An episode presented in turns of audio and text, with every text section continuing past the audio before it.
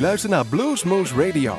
Presentatie Rob van Elst. Hartelijk welkom bij Bluesmoose Radio. Vanavond gaan we luisteren naar en uh, ook spreken met Chris Kane, de man uit uh, Californië. We hebben hem onlangs via Zoom gesproken en dat kwam omdat hij ook een nieuwe CD uit heeft gebracht en die heet Raisin Kane, jawel. En, uh, dus zijn eerste op de Alligator Records, en, maar hij heeft er toch al een aantal uitgebracht.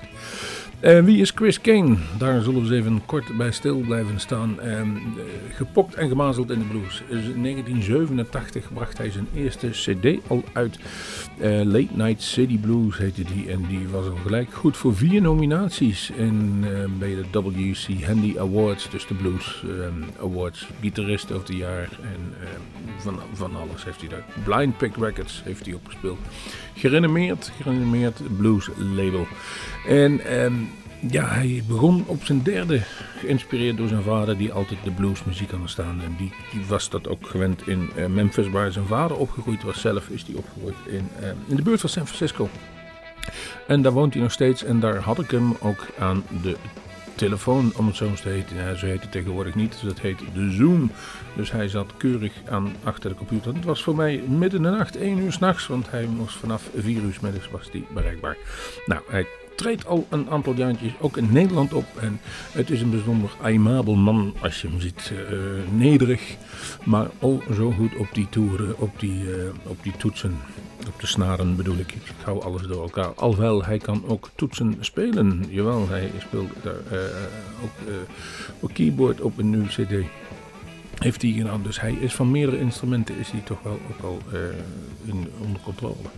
Ik ga nog even spreken. De complete video van dit interview kunnen jullie ook zien op ons YouTube kanaal. En dat als je op de website kijkt uh, bij deze aflevering, dan staat hij daar ook bij. Dus het is een kwestie van genieten. Ik ga jullie ook nog even verklappen dat zoals het er nu uitziet, het waarschijnlijk 28 juli, nee 21 juli de eerste uh, opnames die wij gaan maken, Little Head. En uh, een week later komt uh, Paulie Serra, de toets of de saxofonist van de Joe Bonamassa band, die zelf ook gitaar speelt, toetsen en saxofoon in eigen band. En die band die is ingeënt, dus het gaat waarschijnlijk wel door dat die naar Nederland gaan komen. En ze zullen dan hun tour afsluiten bij Bluesmoose en daar maken wij dan ook opnames van. Dus er zit goed nieuws aan, maar ik zou zeggen kijk iedere week even op onze website. Want het wil nog wel eens veranderen en dat bleek in de afgelopen ook wel. Want er is wat bijgekomen en er is weer wat afgegaan. Nu gaan wij een uur lang luisteren en genieten van Chris Kane. En ik begin met een, uh, zijn eerste cd van Late Night City Blues. Wake Up and Smell the Coffee.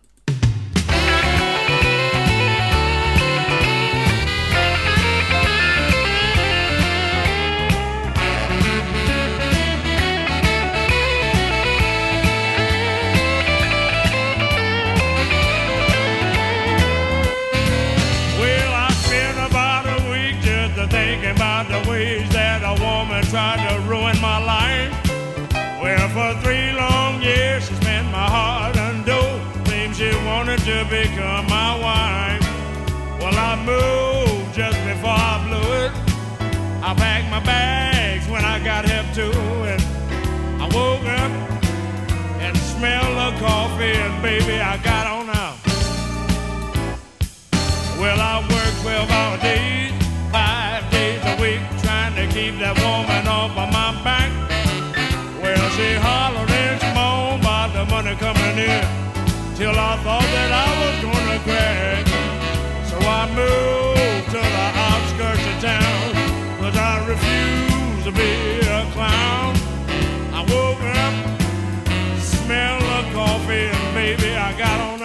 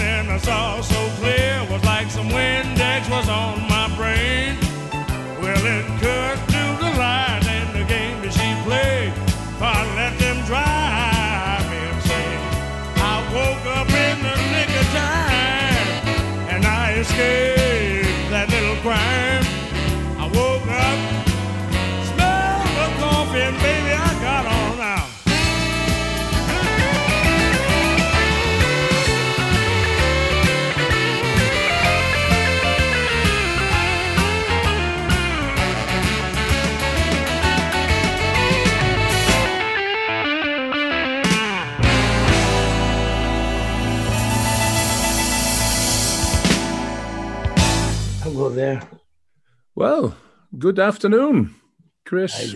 Welcome to Bluesmoose Radio. Thank you very much for having me on. I really, No, thank you for taking the time, uh, even the small time. It's one o'clock in the morning, what I am now. no kidding. But I'm a Wow. I'm a late sleeper. That's okay for me. Uh, bless your heart. So, um, what we're gonna do now is I'm gonna record this. I use the video part to uh, publish it on our YouTube channel. Maybe do some cutouts if well, this what I'm now explaining. I cut it out, and the audio I use for a radio show, and use it with some tracks of your latest album. So I really appreciate that. Thank you for taking this time, huh? that's that's a good thing. Everything is recording. Yes, that's a good thing. That's a modern age now. Yeah. in, in the early days, I had to go to back to the radio studio and i do all the recording. Well, first of all, con- congratulations with uh, two nominations for the Blues Awards. oh, gee, you know, um, I really appreciate that. This is all uh, kind of new territory for me, and um, I really appreciate that anybody's even really listened to the record and they enjoyed it. And uh, this other stuff is just, um, you know, it's very exciting and things. It is released now two weeks ago, um, but recorded quite a while ago. I thought last year, 2020 Yes, sir. It was like right right before the uh, pandemic kind of started. Uh, we we had gone to Greece, Greaseland and uh, recorded it. I was going to put it on my label, you know, but um, it didn't turn out that way. It's wonderful.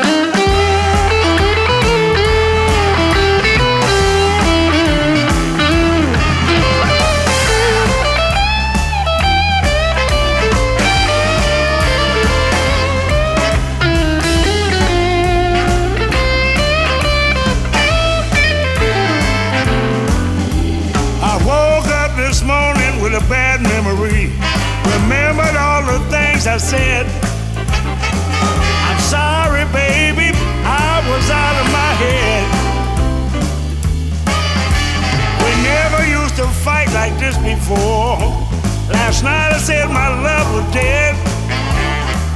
I'm sorry, baby. Hey, I was out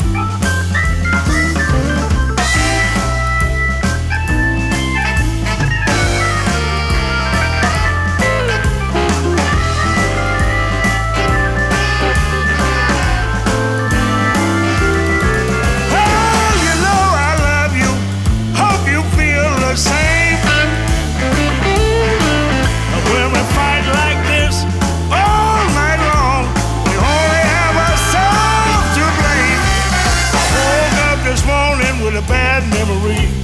Remembered all the things I said.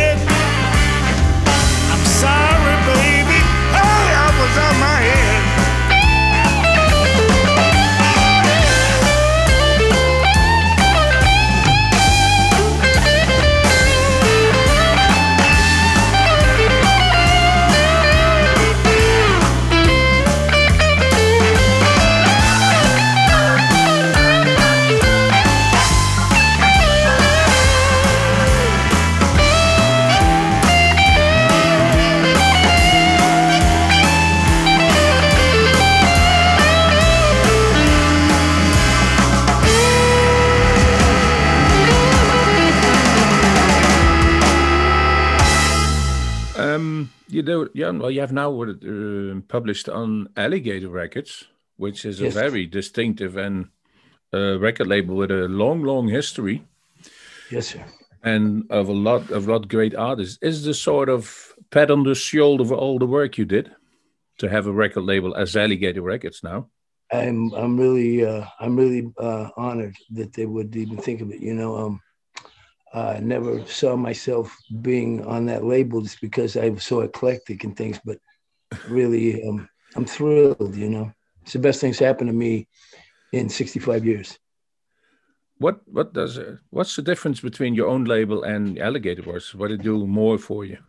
Well, um, if it was on my own label, I would just basically uh, be taking it to the gigs and um, selling one or two here or there. And, um, you know, maybe somebody would play it every now and then at three o'clock in the morning on a college station or something. And um, I probably wouldn't be talking to you, you know, right now. So it's like they've, uh, they've really uh, uh, given me all these uh, platforms that I can show my thing. It's like they, you know, it's like uh, I, I'm being played on stations and things that it hasn't happened. So it's really, um, it's like night and day, really. I mean, the uh, the other way that it was and the way that it is now, it's you know very beautiful. Um, back to the record, Raising Cain, it's called. It's your 12th record that you've been recording. And I see a lot of different song titles on it. I just listened it before I um, set us interview up, and it is an absolutely full sound. It's perfectly mixed. And uh, start with the beginning. If you have thinking about new songs, how do you create those songs before you go Uh, into the studio to Kid Anderson? Um, what happens normally is like I might get a germ of an idea. Uh, I'll be in in in the house somewhere, and, and I'll get a germ of the idea, and I'll just go to my little uh, studio area and uh, make a just a quick little demo. You know, just takes maybe ten minutes to make it it before I forget whatever the little idea is, and I'll you know I'll just try to capture those, and uh, and then get back to them and and give them some time and, and see. But you know, I feel like that's catching lightning in a bottle. If you get like a little idea that you think might be something, to get it in a jar before it changes or something, you know, because it happens so fast how it, it can mutate into some other thing or something. But that's how I basically, um, I'm always uh, kind of open to if an idea comes like that, I'll just go and do that immediately. And then, you know, every now and then there'll be like a thing where I have an idea that uh, just was very premeditated, but that's only been in this last record that I've ever done anything like that, where I sat down and said, I'm going to try to write this right now, and then actually have it happen, you know? Because normally when I would do that, it would just, nothing would happen, you know? But on this particular recording, um, when I was writing these tunes, it just kind of flowed out, and it was, um, I could feel that they were different than other tunes that I've written. Uh, I don't know if it's because I'm older and I, I'm doing it different, but something, you know, ch- uh, changed for the better, kind of with the stories, I think. And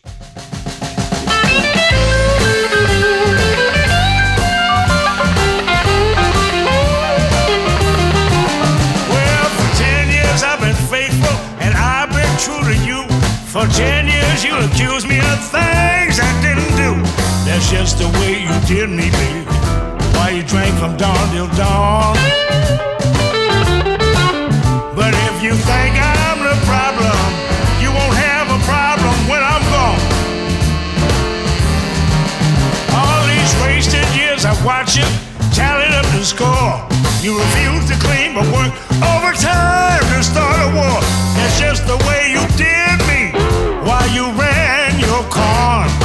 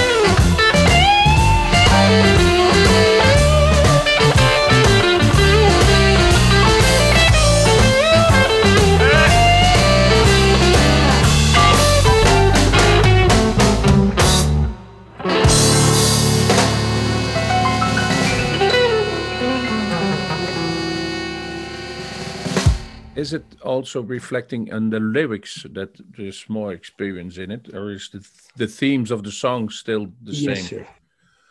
In what Yeah. in what way? Well, just you know, um, when I was younger, uh, I wouldn't have probably been talking about a lot of these things, you know. And uh, uh, you know, I mean, I there's a tune on there that says I was born on this date. I did, you know, and uh, I really had a problem with working that out in my mind to put this on the record. But I feel like at 65 years old, I can say that yes, I was born on this date, and it basically wasn't about me as much as it was about my parents and my home and how uh, beautiful it was just the way they uh, brought me up and uh, their loving kind of hearts, you know, rubbed off on me. And so I was, you know, just writing about basically my parents. Um, if I'm correctly informed, uh, love of the music is also brought to you by your parents. Yes, sir. I mean, they um, they always both my mother and my father were always just big music fans, very eclectic. My mother could go from Frank Sinatra to like Country Joe. I mean, it's like she really was eclectic, you know.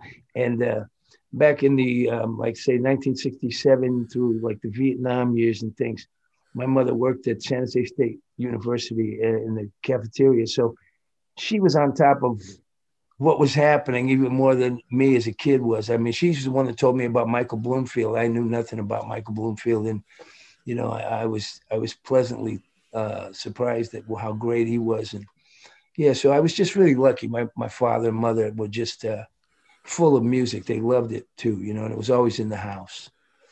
For a coincidence, uh, just a week ago, and um, uh, television here in the Netherlands, there was, of in Belgium to be exact, was a documentary about the blues and Michael Bloomfield and how important he was also for the uh, the colored blues artists to give them back Oh. the attention that they well rightly deserved. Oh yeah, uh, you know, he was like a uh, Never knew a that. Well, you know, he was amazing because he was like a scholar. You know, he knew about other types of music and he knew about these gentlemen and uh, always would let people know about, you know, Sleepy John Estes or whoever it was. You know, he was like a, he was very well read when it came to what he played and what he knew. And it was always uh, um, really eye opening to hear him talk about things because it just always made me feel like, geez, I have so much music to listen to yet that I haven't even heard of these things, you know? Oh, that's what we always say on the radio. We have maybe 40,000 blue CDs on file, and there is even more that I don't know that I yet know. So there's always to be some Yeah. education for me. It's amazing, huh? It's a good thing. Yes, sir. Um, how was Chris itself? We we hope to see you live on stage in the Holland Blues Festival uh, last Oh. year, but it is it's going to be 2020. 2020, 20. That's what it is. Yeah, Still waiting was, next year. You know, because I really had beautiful times when I got to go to Holland, and uh, people were so nice and receptive to what we were trying to do. And um, you know, when you're that far away from home and you get that kind of a um, response and things, it just makes you feel like, um, you know, just really wonderful.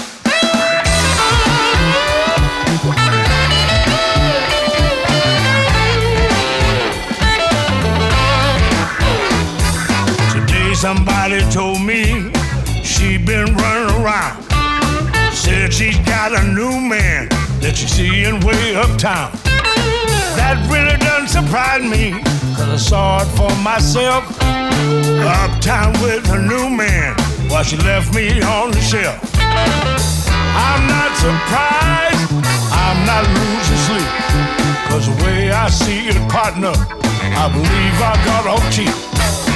Her and her lazy cousin used to lay around all day, watching Dr. Phil, drinking Tanqueray. Thought they could play me, buddy, I don't play. Told them pack your bags, cause today is judgment day. Hooked them up with Greyhound before it got too deep. And the way I see it, partner, I believe I got off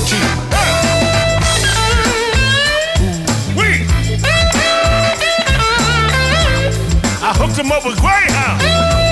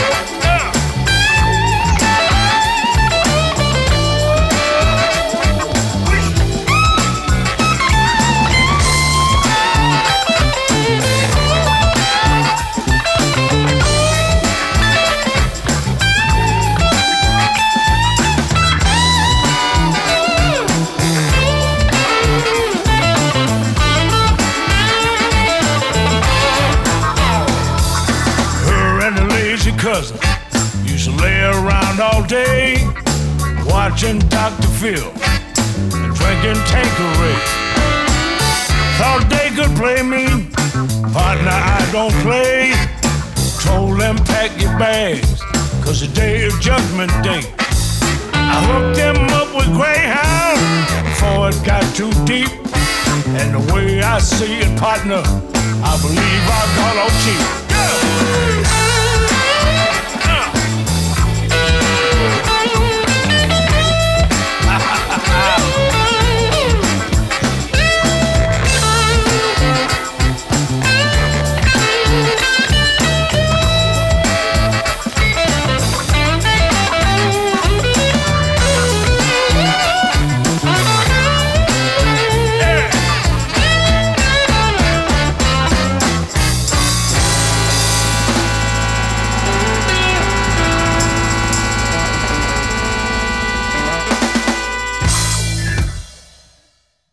if you're on stage, I sometimes came across some video footage, and it's always a jam or uh, where you're maybe with Joe Bonamassa or something else, but there's always people like to jam with you.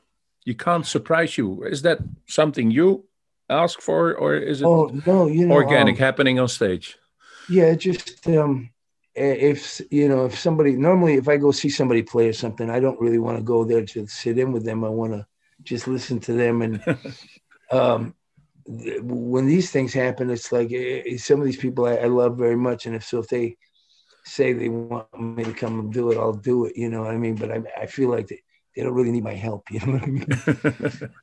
no, but could be fun for you. You say, I'm, Oh, it I'm- is. It is. It is beautiful. It's like anytime you play uh, music with another human being, there's little things that are going to happen, or if they don't happen, it turns out it's not like as memorable. But normally, you, both have to kind of really pay attention, and it's almost like making love. I mean, after you do play with people, you're bonded with them. I think in a, in a way that you wouldn't have been bonded with them before, and it's it's special, you know. I mean, when I go to Europe and I play with bands there, the bands that I play with, it's because I'm I'm not with my band, and these guys take me in like mother's arms, and they do everything they can to make it beautiful. And it's like you know, uh, when this thing happened, I felt like maybe I'll never go to Europe again, and uh, just the thought of not being able to see these guys or play with them again really, I mean, was just crushing my heart because. Uh, it's a beaut. I mean, that's one of the most beautiful things that has come out of me playing this piece of wood is that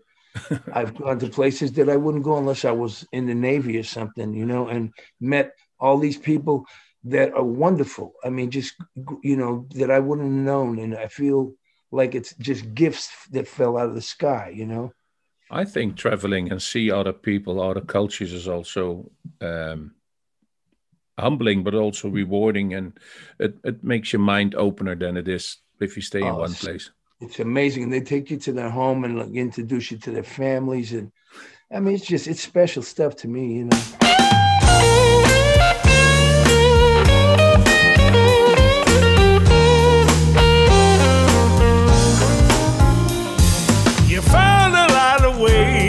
To hurt me. You found a lot of ways to be sly. Now that you found a way to tear us both apart, you found a way to make me say goodbye. You found a lot of ways to be so evil. You find a lot of ways to lie. Now that you found yourself in someone else's arms, you found a way to make me say goodbye.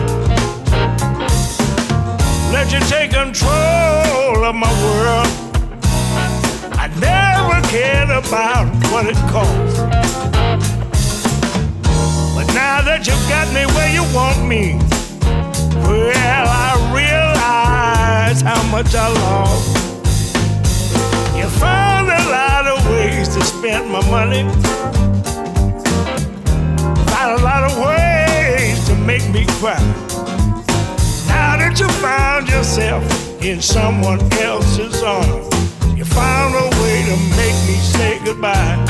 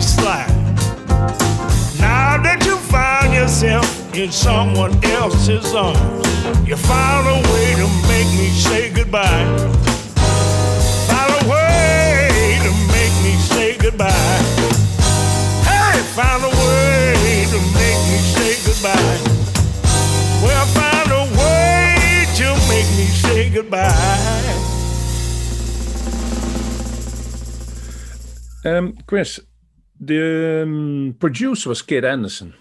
Yes. You worked with you worked with him before, and Yeah, I've it known him for a long. it is more than just easy because he's also situated in San Jose, where you live, if I'm correct. Yes, sir. And you know, the the amazing thing is that, uh, you know, when he started uh, recording in his home, you know, I don't think he was thinking of it like this is a studio, but he did great things from the beginning. And uh, I think he is at least uh, 50% of the reason that this record sounds the way it does because uh, he knew exactly what I was talking about when I would say what I was trying to accomplish. And he would be right on this thing, you know. Uh, and he's always like that. He's very uh, selfless when he does these things. I mean, he put a lot of love into my record that he he didn't have to do. He could have just said, "We're off the clock now. I'm done." But you know, uh, he's very special like that. And I mean, he can play any instrument. So uh, it's just really uh, always just an eye-opening experience when I when I do anything with him because he just amazes me every time. And I think I know everything about him, but there's always something new. I mean, he's just a he's an incredible guy. That means you're also receptive for his ideas in the song. Oh my God. You know, I use him as the barometer when I would take solos because after I take one or two takes, I don't really know anymore. It's like I, I'm thinking now. And and so if he said, Yeah, that's a good one, then I would go with that, you know, because I trust what he what he says. Because after I maybe play it one or two times, now I'm thinking and it's not going to be as fresh and organic, you know. That's all what I'm interested in the creative process behind the song. You know, when do you know a song is finished, for instance? Right. You know, and it's it's funny because when I was younger, the first records that I made, I was like, if I could find some rhymes that work, and then I put some solos in the middle of that. It wasn't as much stuff to it. You know what I mean? It was I was, and that was the best I could do then. And I was really trying to do as well, you know, as good as I could. But uh, and I think it's just living more has made it more that like when I write something, there's more in there that I'm talking about than just this one thing, the girl or whatever it is. You know, there's more personal things in there, you know, that not like a diary, but just that people might relate to, you know. Yeah, and I also noticed, and I didn't know that before I dived into the the liner notes of this uh, CD, is that you played uh, piano or, or keyboards on a couple of songs. Even the last one, the Space Force, that's with Yeah, a yeah. clavinet. Yeah, I played the clavinet and uh, the Wurlitzer and stuff. It's just that I love Ray Charles and I love Billy Preston, and um, that tune was a tune that I was doing at my house just for my own kind of entertainment of a tribute to Billy Preston, but not with cover tunes, but with tunes kind of in the style that he plays, you know. And then just turned out the what we were recording that were kind of funky, and I said this could fit. And then Kid Anderson said, I have the ARP Odyssey that he used on Space Race. And I go, You do? So then it was like, you know, it was like a wildfire that took off, you know. I was curious where the, where the song title came from, so you answered that one for me. I thought it's a new Space for Force Trump was heading Well, for. th- no, you know the name of the, the name of the song uh, that I that I I wrote when I wrote it was called Mr. Preston. It was like a thank you to Billy Preston. And then when Alligator folks got it, they thought that it was a cover, and so they thought it was the Billy Preston uh, Space Race tune or something because they thought it was it was it was a I was doing a cover, and I told them no, it was original, and so they put it on the record. I didn't think that would go on there for sure. I, I thought that would would not end up on a record that they would release. So I was really kind of pleasantly pleased by that because uh, it was really fun to make. With my, uh, this is the first record I made with my my regular band that I play with live all the time. So to have those fellas on the record was beautiful, and then uh, to just have this thing break out just out of nowhere and then record it, and then you know they just played with so much love and stuff on it, like they always do. And so it was just a blast, you know. I mean, it was two days of just joyful fun, really.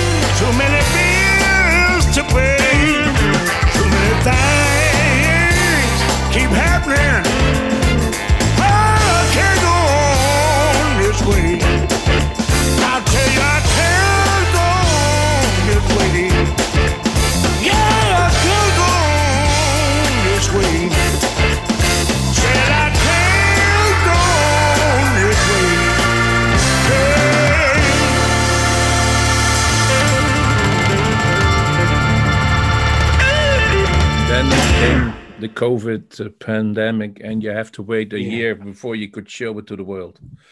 Uh, you know, and uh, it's just to um, one of these things that you can't ever even you don't even know what to say. But um, I think what the the worst part of the whole COVID thing was just the fact that you, you can't see people that you know and love. You know, it's just you you don't see anybody, and uh, you know it just gets to the point where uh, you're almost in tears because you miss just interacting with your loved ones. You know, They, so it's been a learning curve for sure.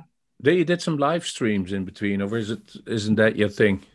Yeah, well, you know, I mean, for me, it was very difficult because no people are there, and uh, I just look like somebody's holding a gun on me. I'm just, you know, after the tune, I'm just, you know, I just, I don't know what to do. There's nobody there to kind of interact with, you know. But that, that's I really to, to get used to. Oh, but that's that's when you normal play on stage. That's some of the charm for me because when I see you on stage, and I didn't have the pleasure seeing you live yet, but that will come. Is that I'm seeing an uncle play on stage mm-hmm. who teach you everything you want to know about the blues because he can do anything and he will do anything on stage and it doesn't show it doesn't cost them any energy that's it looks so easy i'm Wow. probably it isn't easy i i know but it looks so easy You know, um, I I, I, I started trying to play the guitar when I was eight years old. My father showed me the first thing I ever learned on the guitar, and um, uh, he told me then it's just like, baby, if, if you don't feel it, don't play it. So I always approached it like, if I don't feel it, then I won't. And I always uh, just uh, played with my soul open, so like I, I would, my emotion would come into it eh, as well, you know. And um, uh, since I was a little kid, that's how I always did it, and um, I feel like that's uh, one of the great things is that that I'm just that's all the way I've always approached it. Just not like it was a job or looking at my watch. I try to I try to go there every time and you know get to a place that like somebody else might feel it too. You know. I think that's the way to approach it. And um, I spoke to some great blues guys, and I always ask a simple question, and I ask, "What is blues?" And almost anybody says, everybody's saying, "It's the feeling. If you feel it, it's the blues, no matter what the, it is." And you know, even when I was a little boy, my, my father had all the records, and uh, you know, he took us to see everybody like all the time. We never missed BB King or Ray Charles when they came to uh, San Jose, and uh, it was like he didn't push it on me, but uh, I just found even when I was little that I was I gravitated towards what I was hearing on the records. Like you know, I mean, uh, it w- w- being a little boy, like I mean, when I met like Freddie King and Albert King and things, I was like 17, and I mean, they were like buildings to me, you know, and uh, just the, the the the opportunity to meet them under that kind of situation where they're in their element, and uh, I'm just backstage, and my father was there, and it was just uh, for me, it's etched in my soul those those meetings and how beautiful it was just for me as a young boy to like you know have them share with me anything. After three weeks, I come home, hoping for once it won't be the same. But before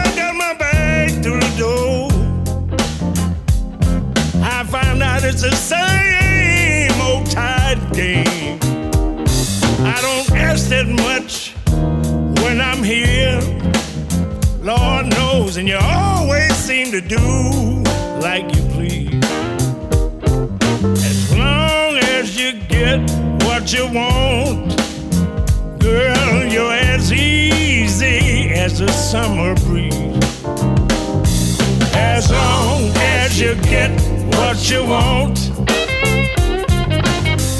You might even throw this dog a bone. As long as you get what you want. Well, you might even leave me alone. When we first met, you were so sweet. You did the nicest things all day long. But it wasn't too long till you started drinking. That's when everything seemed to go from right to wrong.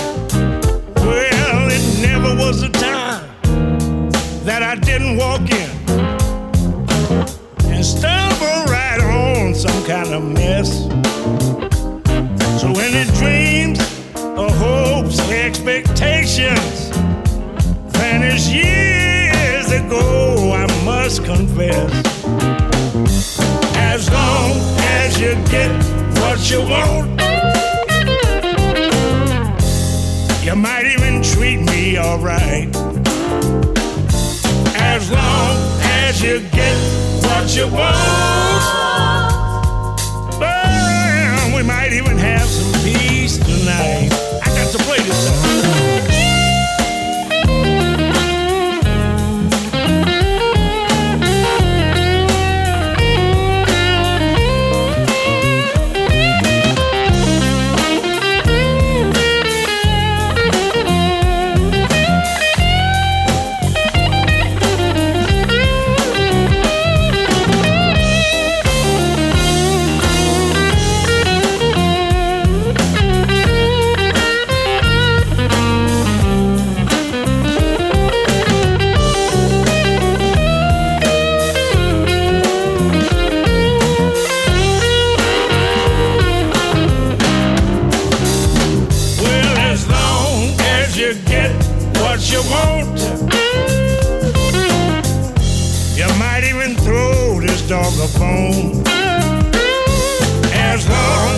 You get what you want.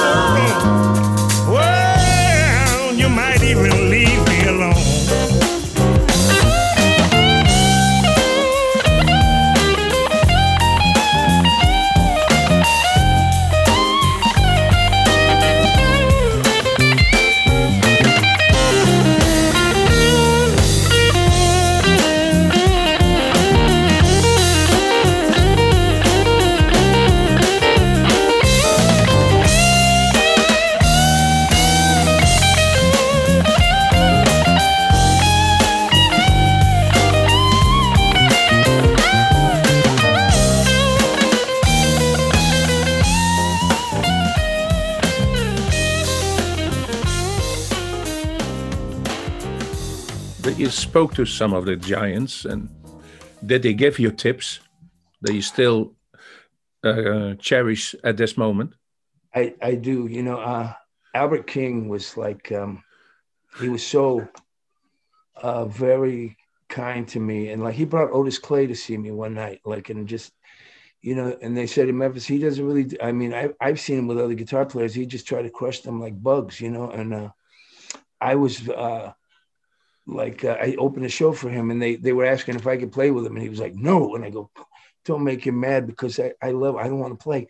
So then we start playing our set and I can I can smell the pipe smoke. He's standing right here by me and he's going mm-hmm mm, and I'm just like you know and so uh, it turned out that he became my friend and uh, I mean I still pinch myself to this day that like it was like that. When I would go to Memphis he would come and see me every time and he went out of his way to do nice things to just show me that he liked me. And, uh, you know, it's like when he passed away, I couldn't really listen to his records for about two years because it would just break my heart, you know.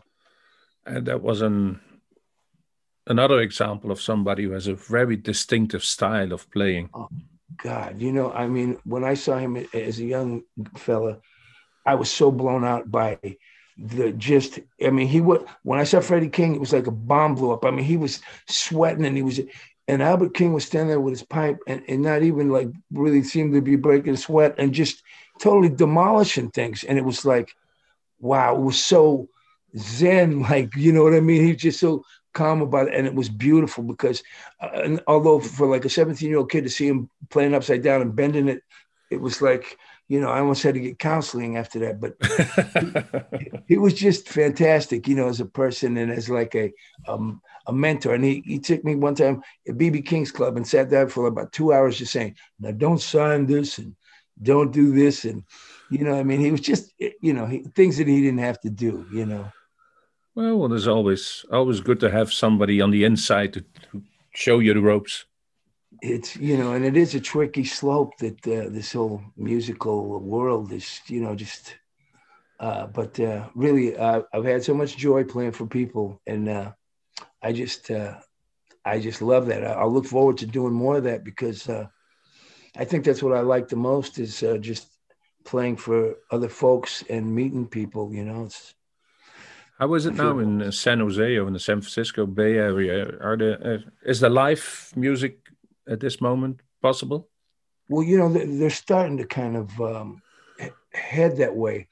But I always, uh, after the first two times, I'm like hesitant to go, yeah, here we go, because, you know, it just seems like any little thing could derail that idea, you know? So yeah, I, I, I, hope for the best, but, you know, I don't like, you know, count on, so I'd be crushed. Because, uh, I mean, it's just this thing is is more complicated than uh, just you know, um, it's like it's over. And I mean, now you know, you hear about this one in Brazil. It's stronger, and you know, I just you know, I just really I pray for the best because uh, just for like people just to be back together and just do, uh, not maybe it'll be back to normal ever, but close to that would be wonderful. Just you know, miss it. I well, hope it does. The good thing is, in between, before this so far that we can enjoy live music. We have your record to enjoy it, and we're gonna do this on this radio show. Thank so I'm gonna thank uh, thank myself for you having the time for us in the middle oh, of the night or in the late afternoon in California. yeah, but you can wake me up in the middle of the night to do this. It was an honor talking with you. Thank you for everything, huh? No, thank you for uh, having the time, and um, I will email ja, en zo eindigde uh, het interview dat ik had met Chris Kane. En laten we hopen dat hij weer heel snel naar Nederland kan komen. En uh, Rob Koning zal dan wel een keurige tour voor hem regelen. Ik ga jullie wel even vertellen wat jullie gehoord hebben van die CD Raisin Kane. Dus na de opening van Late Night City Blues kwam daarna de nieuwe CD Out of My Head. Vervolgens You Won't Have a Problem When I'm Gone. I Believe I Got Cheap. Found a Way to Make Me Say Goodbye. Too Many Problems As Long As You Get What You Want. En de laatste heb ik hier klaar liggen. En dan gaan we afscheid nemen van jullie als luisteraars. En hopen dat jullie het in ieder geval interessant genomen, uh, gevonden hebben. Want we gaan nog regelmatig een aantal mensen interviewen. In de hoop, in de aanloop dat we weer uh, onze live opnames kunnen doen. Want daar vinden we het ook eigenlijk bijzonder leuk. En we vinden het ook bijzonder eervol dat eigenlijk een heleboel groten der aarde van de uh, blues business naar Groesbeek willen komen om daar opnames te maken. laten we maar eerlijk zeggen, daar zijn we best trots op. Wij gaan afsluiten deze aflevering van Blues Moose Radio met een nummer van Chris Kane. Het heet Gamblers Blues. En uh, dat komt dus van die zijn, van die nee, komt van, niet van die Raisin Kane CD, maar komt uit een CD van 2001. Kane Das King. En dat zal waarschijnlijk wel Albert zijn, uh, die die toch al eens een groot voorbeeld had, zoals jullie ook in het interview konden horen. Ik zeg tot de volgende Bluesmoes.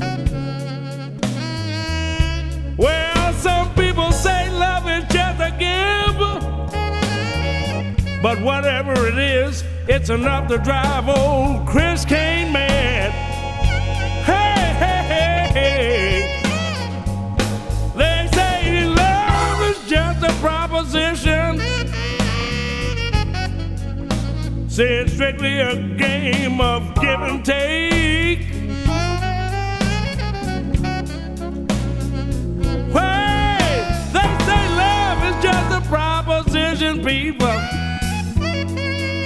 strictly a game of give and take.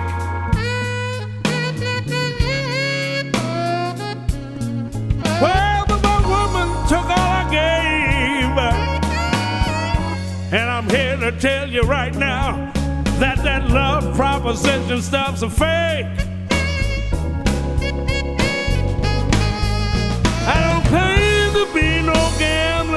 People. Well, I don't know much about the dice.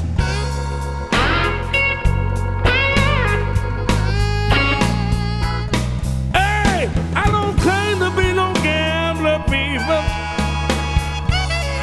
I don't know much about the dice.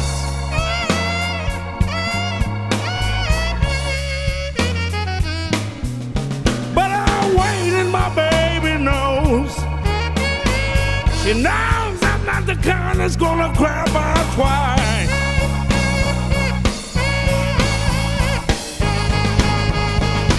Hey, she left me early this morning. I don't know the reason why. She just got up early this morning, didn't even say goodbye.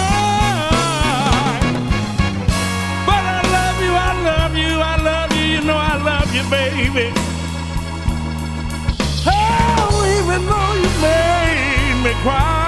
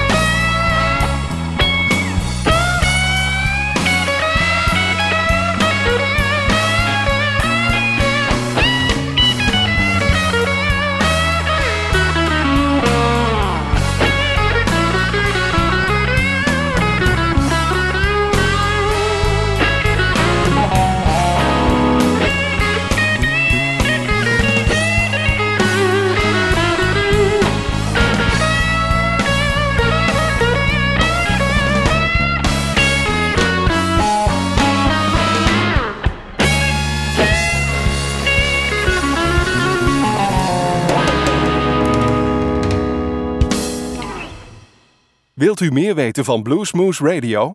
Kijk op de website www.bluesmoose.nl.